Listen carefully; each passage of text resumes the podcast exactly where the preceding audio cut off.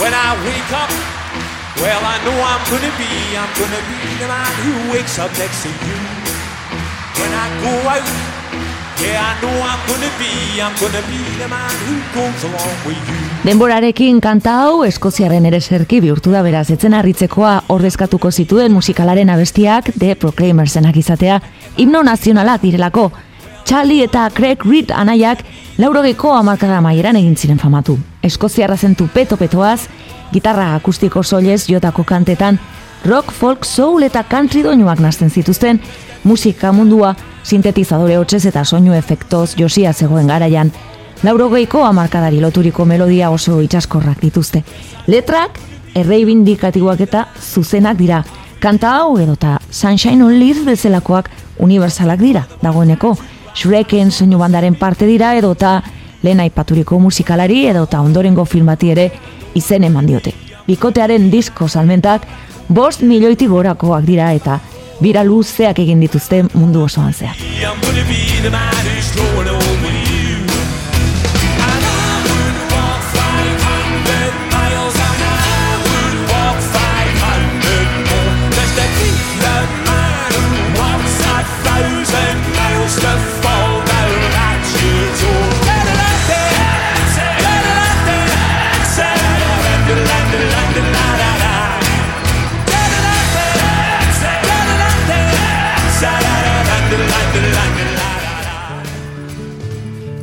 Reed anaien historia Oktenakti izeneko herri txiki batean hasi zen, mila bederatziun eta irurogeita biko martxoaren bostean. Ama erizaina zuten eta aita berriz arotza. Eskozian musika bizi, arnastu eta odolean eramaten da eta bikien etxean musika bereziki maite zuten. Jazz, soul, zein country musikako bilduma handi bat osatu zuten. Reed anaiek punk talde bat sortu zuten lehen bizi irurogeita amarreko amarkadaren bukaeran oso famatua zen talde amerikar baten izen berarekin, Black Flag, baina ez zuten asko iraun. Mila bederatzion eta laurogeian emezortzi urterekin, Texas Midnight Runners taldeak Edinburgon lehen kontzertu eman zuenean, antxe ziren bianaiak lehen lerroan saltoka eta kontzertu amaitutakoan, Kevin Rowlandengan joan ziren agurtzera. Ordurako Dexiseko liderrak begiz jota zituen urrutitik ikusteko modukoak baitira, bat laurogeita bost neurtzen duten bikiak, berdin-berdinak eta pastazko betaurreko handiekin, bari joli gogorazten zuten. Ze look ona, pentsatu omen zuen Rowlandek. Just because you think you're so pretty, and just because your mother thinks you're hot, and just because you think you've got something nobody else has got. You caused me to spend all my money. You laughed and you called me old Santa Claus. Well, I'm telling you, baby, I'm through with you. Because, just, just, just because. Yeah. Hey, pop, hey, papa, hey, ah. pop, hey, papa, hey, ah. pop, hey, papa, hey, ah. pop, hey, papa, hey, pop, hey, papa, hey, pop. Hip hop, hip hop, hip hop, hip hop, hip hop, hip hop, hip hop, hip hop, hip hop,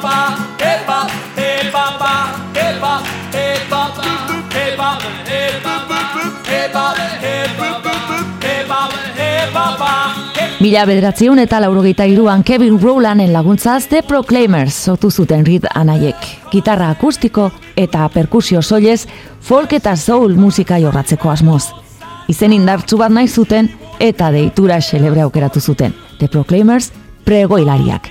Handik aurrera hiru urtez, Edinburgo eta Inverness aldeko pabetan jotzen aritu ziren, jarraitzaile talde leial bat osatuz.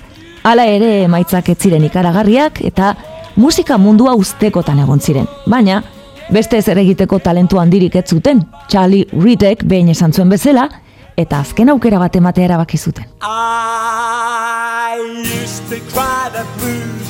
I could only draw lose. I stored up my hate and I used it as bait for the people I abused. Teachers who couldn't teach and preachers who couldn't preach. Who wasted their time on wasting their breath on people that they'd never reach. Wish I could say I was better. Wish I could say I was better. I wish that it was true and it was cause of you. I wish I could see I was better. Wish I could see I was better. I wish that it was true and it was cause of you. I used to know the score, but still see it was more than every act or recorded fact that ever went before. Believe me when I say I thought I knew the way to whiten the black and black and the white and change the night to day. Wish I could see I was better. Wish I could see I was better. I wish that it was true and it was cause of you. I wish I could see I was better. Wish I could see I was better. I wish that it was true and it was cause of you. Kevin Rowland idatzi zioten laguntza eske, eta honek dirua eman zien demo bat grabatzeko. Tita batean grabatu zuten orduetean, eta kontua da, The Proclaimersekoek Invernezen zuten jarraitzaile sutsu haietako batek, demoa House Martins taldeko ibidaliziela, eta hauek harriturik geratu zirela Proclaimersen freskotasunarekin. Kontuan izan, zer ikusirik etzuela modako talde musikarekin, hau da, Spandau Ballet, Duran Duran, edota The Smiths moduko banden egiteko erarekin.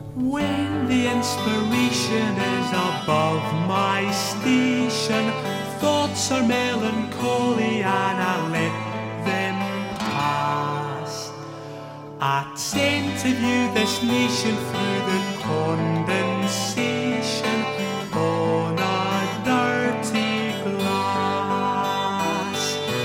When the singer Solomon was a bonny laddie, when she brushed his hair with the water's comb, then he could have done it and he could have shown you seven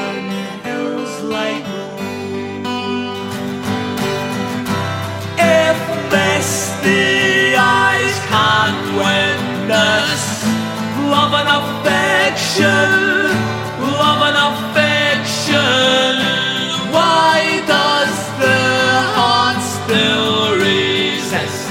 What the hell is wrong with you? I've got eyes of misty blue. All the things I want to do are all I ever wanted to. Baina ze gertatu zen, House Martins talekoek ez zutela inondik inora ere lortzen Reed anaiekin harremanetan jartzea.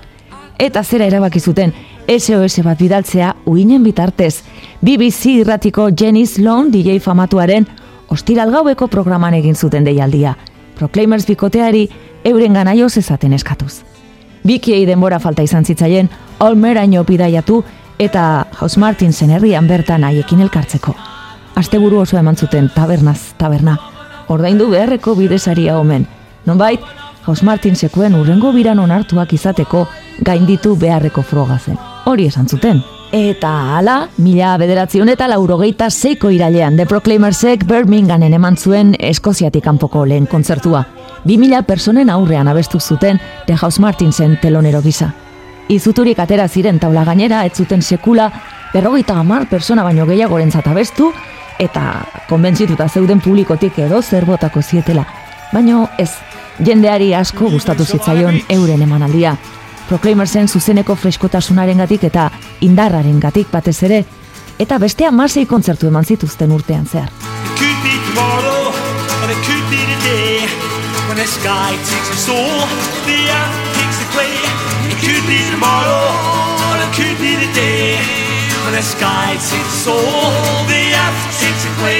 I sometimes wonder why I pray when my spirit just drives away with the faith and a bit of luck and a half sun bomb in the back of the truck.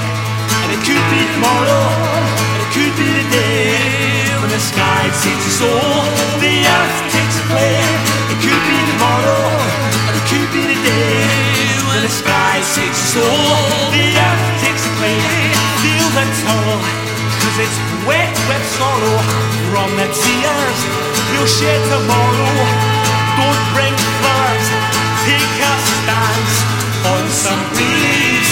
You should dance. Could be tomorrow, could be day.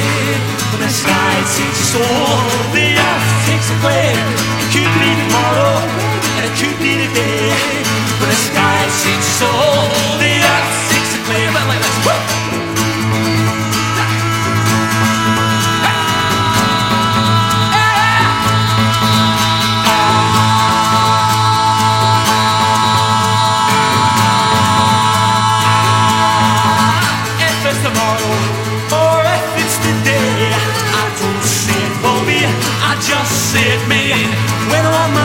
Managerrak bien bitartean ez zuen denbora galdu eta Proclaimersen demoa The Tube izeneko ingalaterrako telebista saio ospetsura bidali zuen. Laster deitu zituzten platora eta hau azpimarratzekoa da. Zeren oraindik diskoetxerik ez zuen talde batentzat etzen patere goikoa olako aukera bat. Baina sorte alde zuten eta mila bederatzion eta laurogeita zazpiko urtarilaren hogeita marrean milioi bat ikusleren aurrean azaldu ziren. Craig and Charles Reed, alias the Proclaimers, come from Upton Mukti in Scotland and supported the House Martins on their last tour. And here they are in their TV debut with Throw the R Away.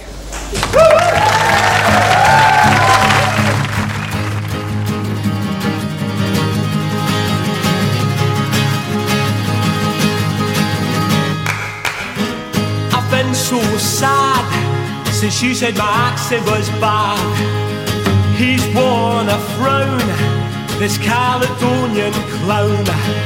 I'm just gonna have to learn to hesitate and make sure my words on your Saturdays don't play. But I wouldn't know a single word they say if I flattened all the balls and I threw the other way. Some days I stand on your green and pleasant land. How dare I show face? When my diction is such a disgrace. I'm just gonna have to learn to hesitate to make sure my words on these Saxonies don't pay.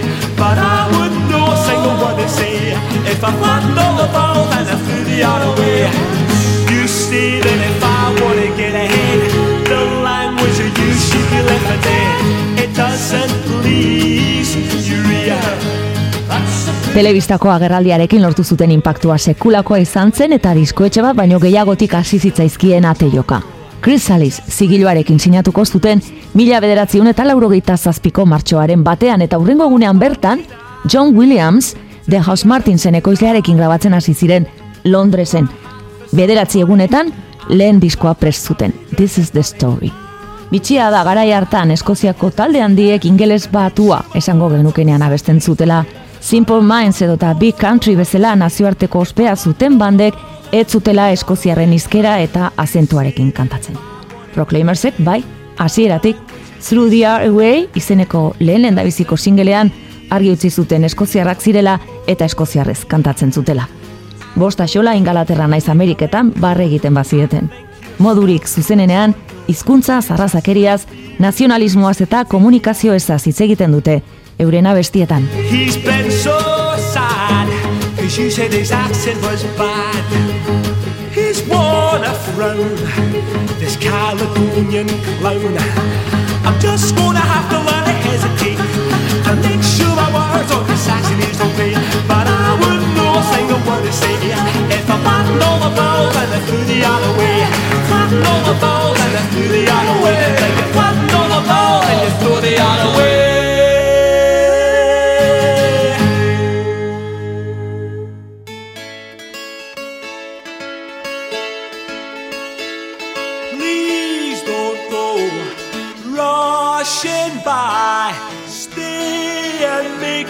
heart fly.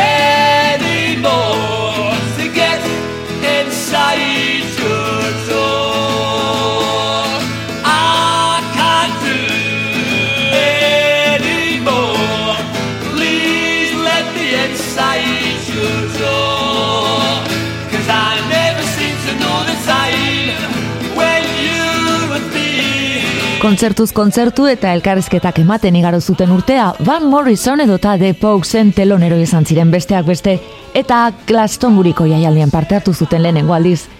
Konturatu ziren, euren musika irratietara egokitzeko pixka bat lehundu behar zutela. Eta bianaiak Eskoziaren artean mitikoa zen musikari baten eskuetan ipintzea erabaki zuten. Jerry Raffertirekin harremanetan jarri ziren, zuten abestirik borobilenaren moldaketa bat eskatzeko. Letter from America, The Proclaimers.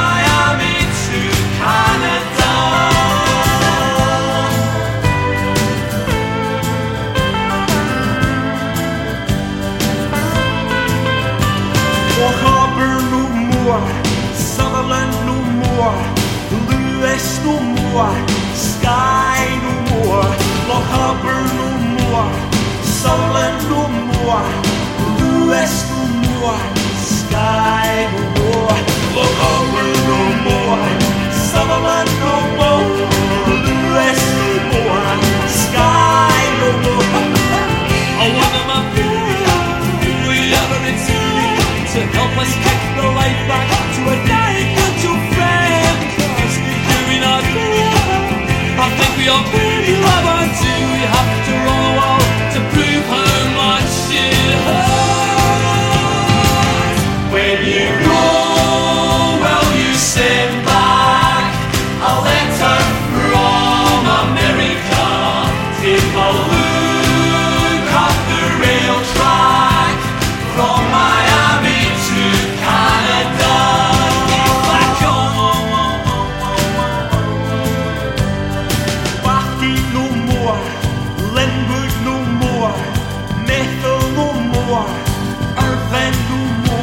Nicola Sturgeon Eskoziako lehen ministroiak amazazpi urte zituen Letter from America kaleratu zenean eta elkarrizketa batean esan zuen kanta honek jarri zuela politikaren gailurrera eramango zuen bidean.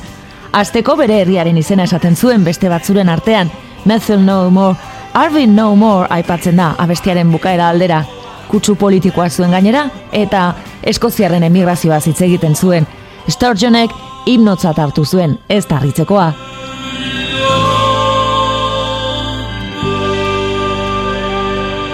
Proclaimersen bigarren diskoa, Sunshine on Leith, mila bederatziun eta laurogeita zortzikoa buztuan kaleratu zen, eta erabateko arrakasta lortu zuten, lan honekin. Aurrekoaren soinu akustikoa bazterrean utzi, eta rock banda bat osatu zuten Fairport Convention eta Dexys Midnight Runners taldetako partaidekin. Eta bai, markak hautsi zituzten. When I wake up, well I know I'm gonna be, I'm gonna be the man who wakes up next to you. When I go out, yeah, I know I'm gonna be, I'm gonna be the man who goes along with you. If I get drunk, well, I know I'm gonna be, I'm gonna be the man who gets drunk next to you. And if I heaver, yeah, I know I'm gonna be, I'm gonna be the man who's heavering to you. But I would walk 500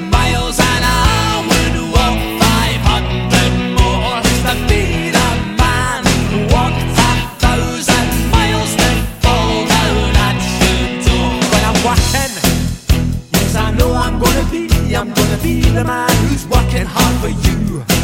And when the money comes in for the work I do, I'll pass almost every penny on to you. When I come home, oh, I know I'm gonna be, I'm gonna be the man who comes back home to you. And if I broke, well, I know I'm gonna be, I'm gonna be the man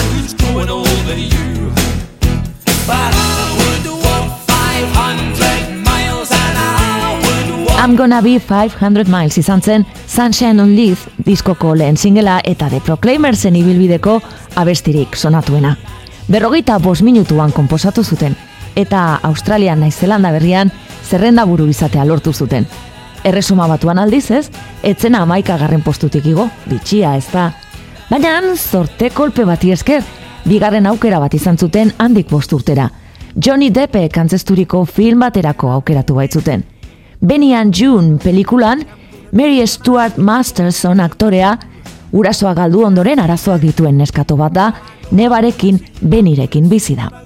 Junen estena bat grabatu behar zuten eta zuzendariak pentsatu zuen, interpretearentzat lagungarri izango zela bere gustuko musika entzutea. Zerrendatxo bat eskatu zion, eta tartean zegoen The Proclaimersen abestia, I'm Gonna Be, sarrerako kanta borobila.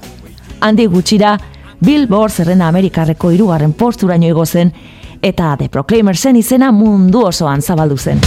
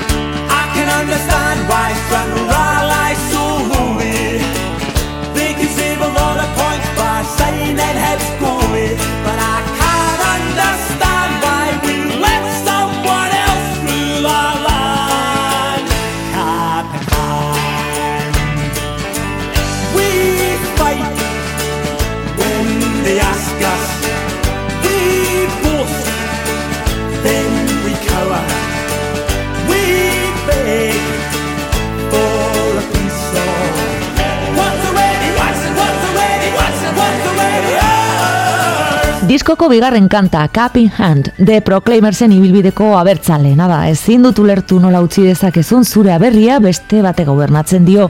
Eta Eskoziaren independentziarako 2008ko erreferendumean Eskoziar nazionalisten himno bihurtu zen.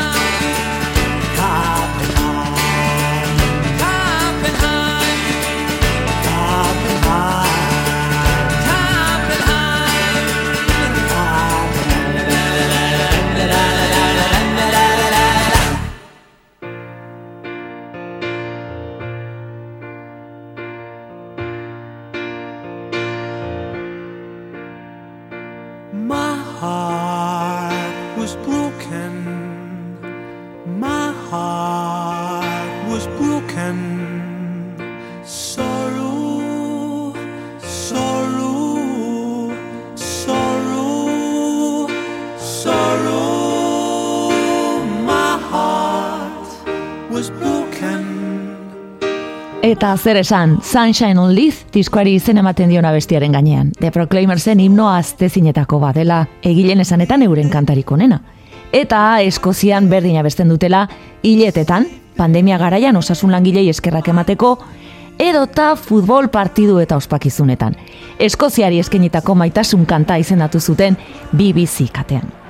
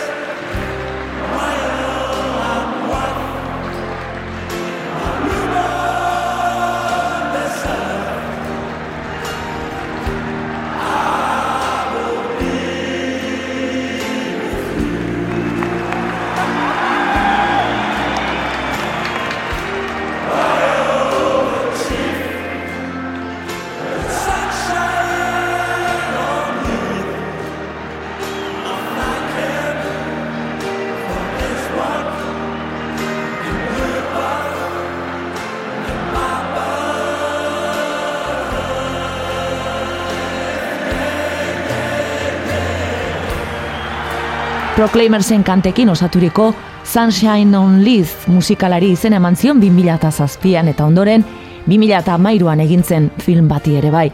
Charlie eta Craig Reed anaiek kameo txiki bat egiten dute gainera pelikulan.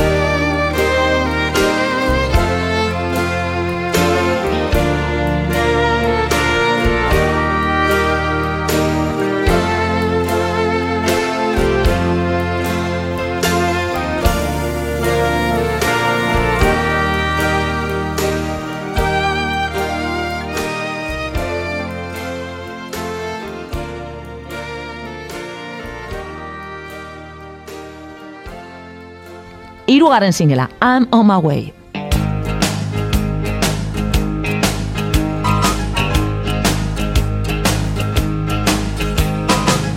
I'm on my way from misery to happiness to thee. Uh-huh, uh-huh, uh-huh, uh-huh. I'm on my way from misery to happiness to thee. Uh-huh, uh-huh, uh-huh, uh-huh. I'm on my way to what I want from this world. And years from now, you'll make it to the next world. And everything that you receive up yonder is what you give to me the day I wonder. I took a right, I took a right turning yesterday.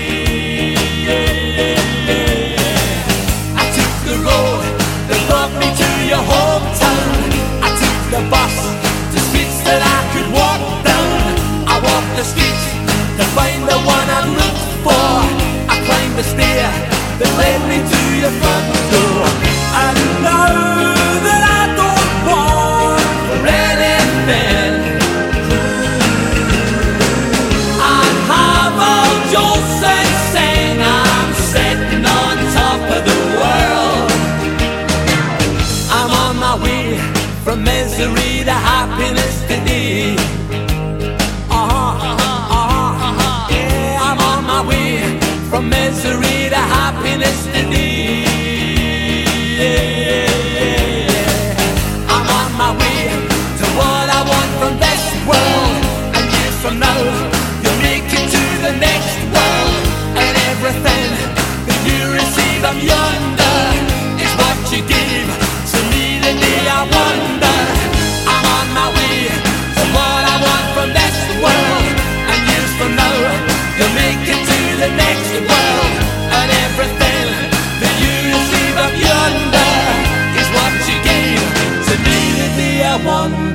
2000 bateko Shrek filmean erabili zuten kantalai eta itxaskorrau. I'm on my way beste bultzada handi bat eman zion The Proclaimersen karrerari.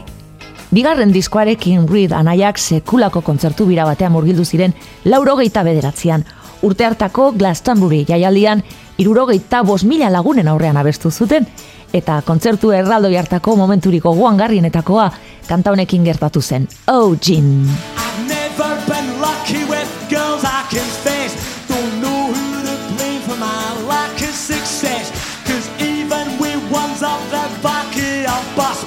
Was always the risk of a slap in the pus. But Gina, oh Gina, you let me get lucky with you. Oh Gina, oh Gina, you let me get lucky with you. Check it over. The first time I met you, it did cross my mind. The next time I saw you, there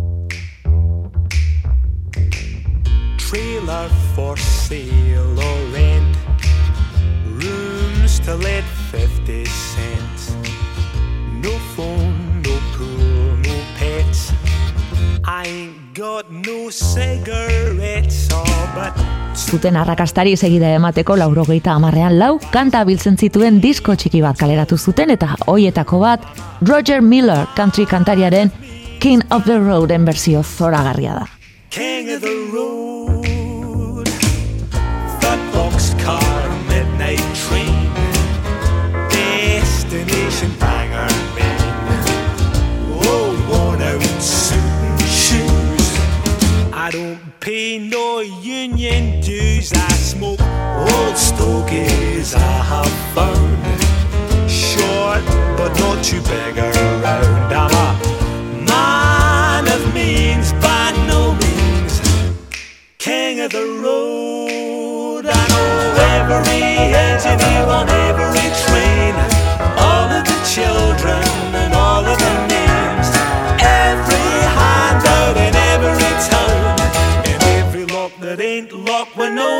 road I sing, trailer for sale or rent, rooms to let 50 cents. No phone, no pool, no pets.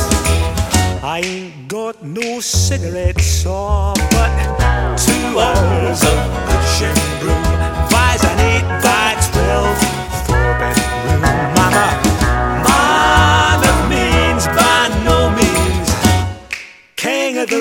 Laurogeiko amarkada amaierako bira luzearen ondoren bost urteko atxeden hartu zuten. Charlie diborziatu berria zen eta kantak sortzeko kemena eta gogoa falta zituen. Creek bien bitartean aita izan zen. Rosen Reed bere alaba zarrena Edinburgon jaio zen eta abeslaria da. 2019an debutatu zuen Trails izeneko diskoarekin eta folk naiz amerikana musika lantzen ditu etxekoen bidea jarraituz. mama.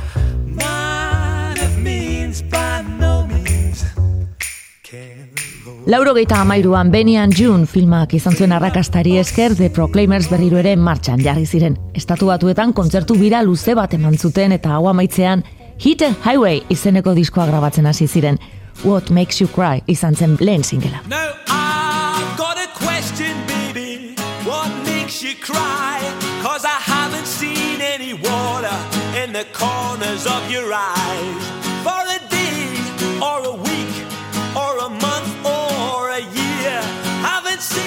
Much of you since you left me, my dear.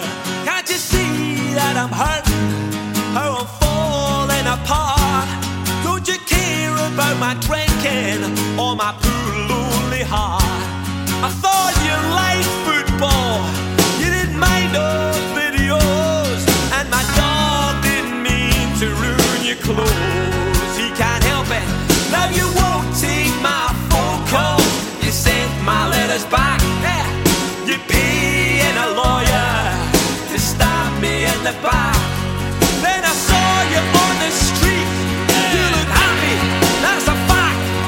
I'm impressed. It's a hell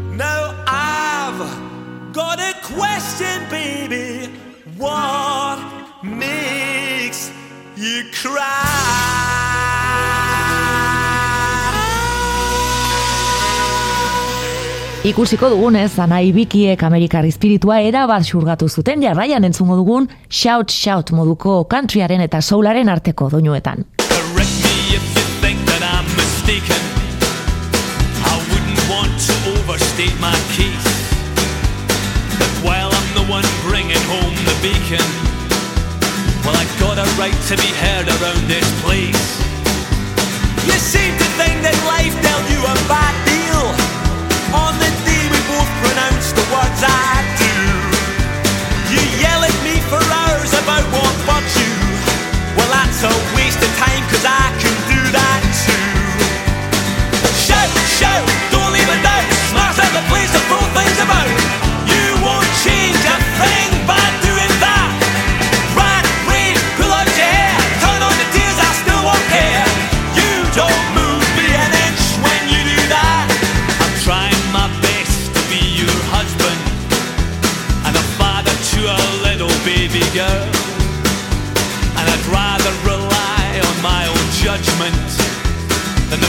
theories and fashions of this world.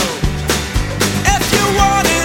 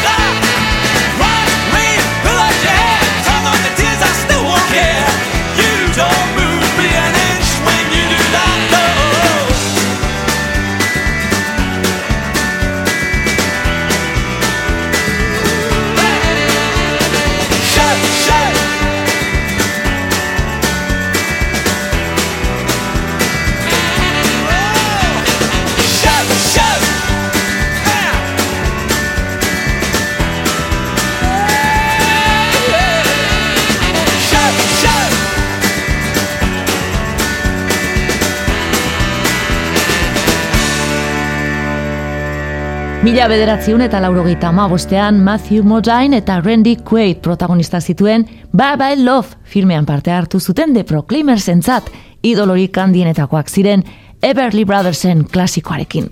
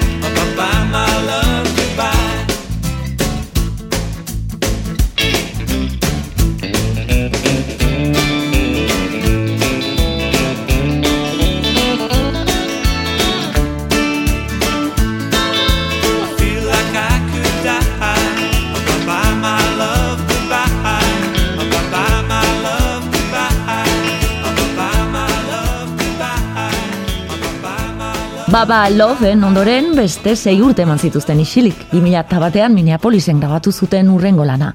Persevere.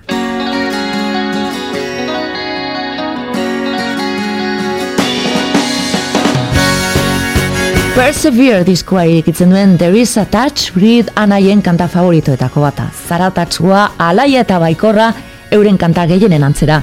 Eta arro daude Minneapoliseko estudioan lorturiko soinuaz.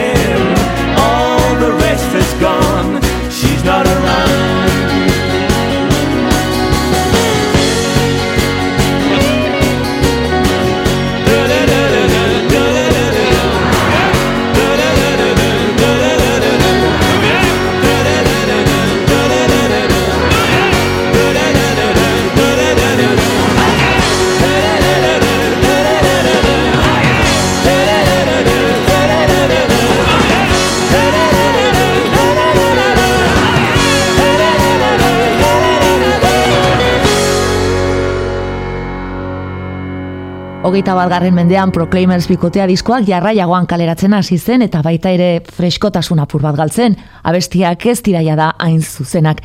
Edo zein modutan, 2000 zazpian argitara eman zuten Live With You diskoa irikitzen duen eta lan osoari izena ematen dio kanta hau, berriro ezkontzetako play zerrendetan ageri da sarri sarritan. When I was a younger man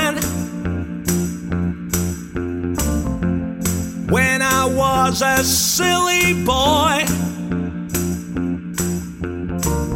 I didn't need a thing, I was strong as anything. I viewed solitude as a joy. But since I met you, I'm distraught.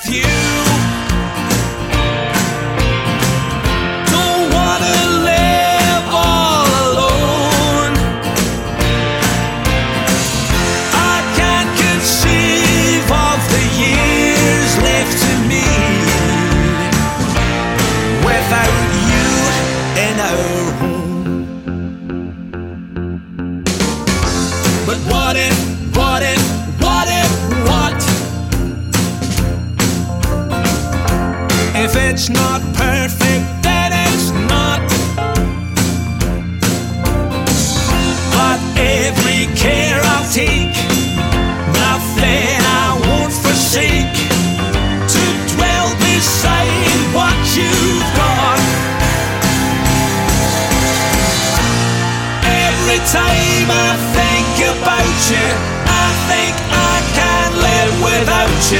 I'll tell you something,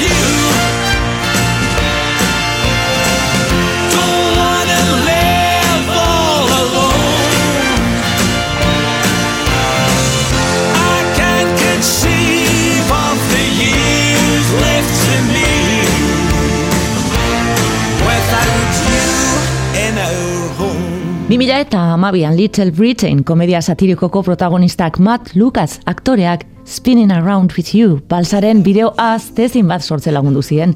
The Proclaimers Andres Jantzita azaltzen dira ospakizun batean. Festa giroa azten doala ikusiko dugu, zerotik amarrera eta azkenerako. Bueno, ez dizuet spoilera egingo. Let me give praise to your sparkling eyes and your colored hair. Let me spend ages on poetic phrases to show I care.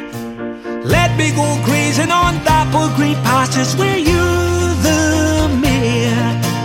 Let me rephrase that, I think there's a better line there. Spinning around in the air.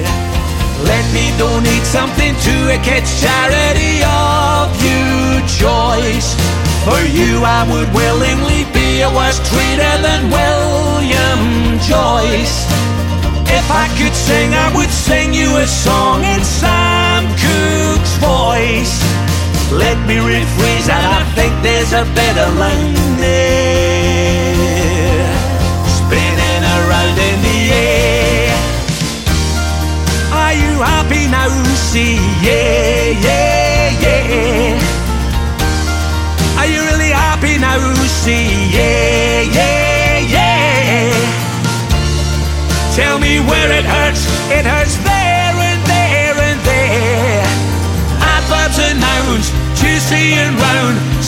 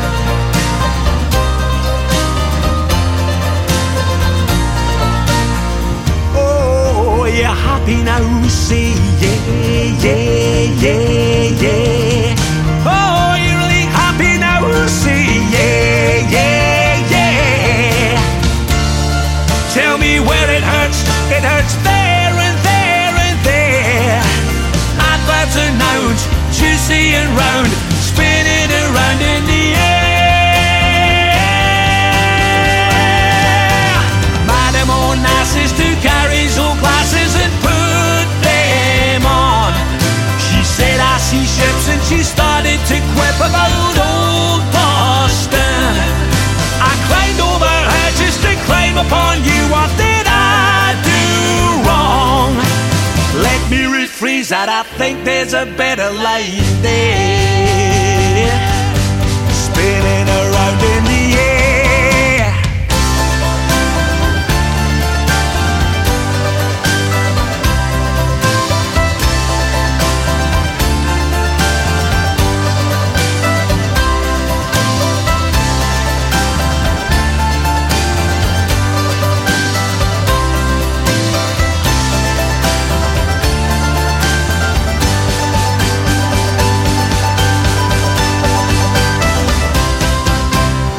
2008ko Eskoziako independentziaren bozketaren ondoren, triste hasten den eta goi-goian amaitzen den Angry Cyclist kaleratu zuten 2018an. Zer dela eta txirrindulari honen protesta. Erreferendumaren emaitzarekin aserre, Brexitarekin zer esanik ez, hori guztia gutxi balitz, mundu mailan herrialde askotan gertatzen ari den eskuinalderako joera kezkatzen ditu eta ikusi dugunez, ez dira isilik egotekoak, The Proclaimers dira, eta izenarekin bete-betean asmatu zuten. For me, I feel this era has been kissed. Kissed. Mm, by the aura of an angry cyclist. List.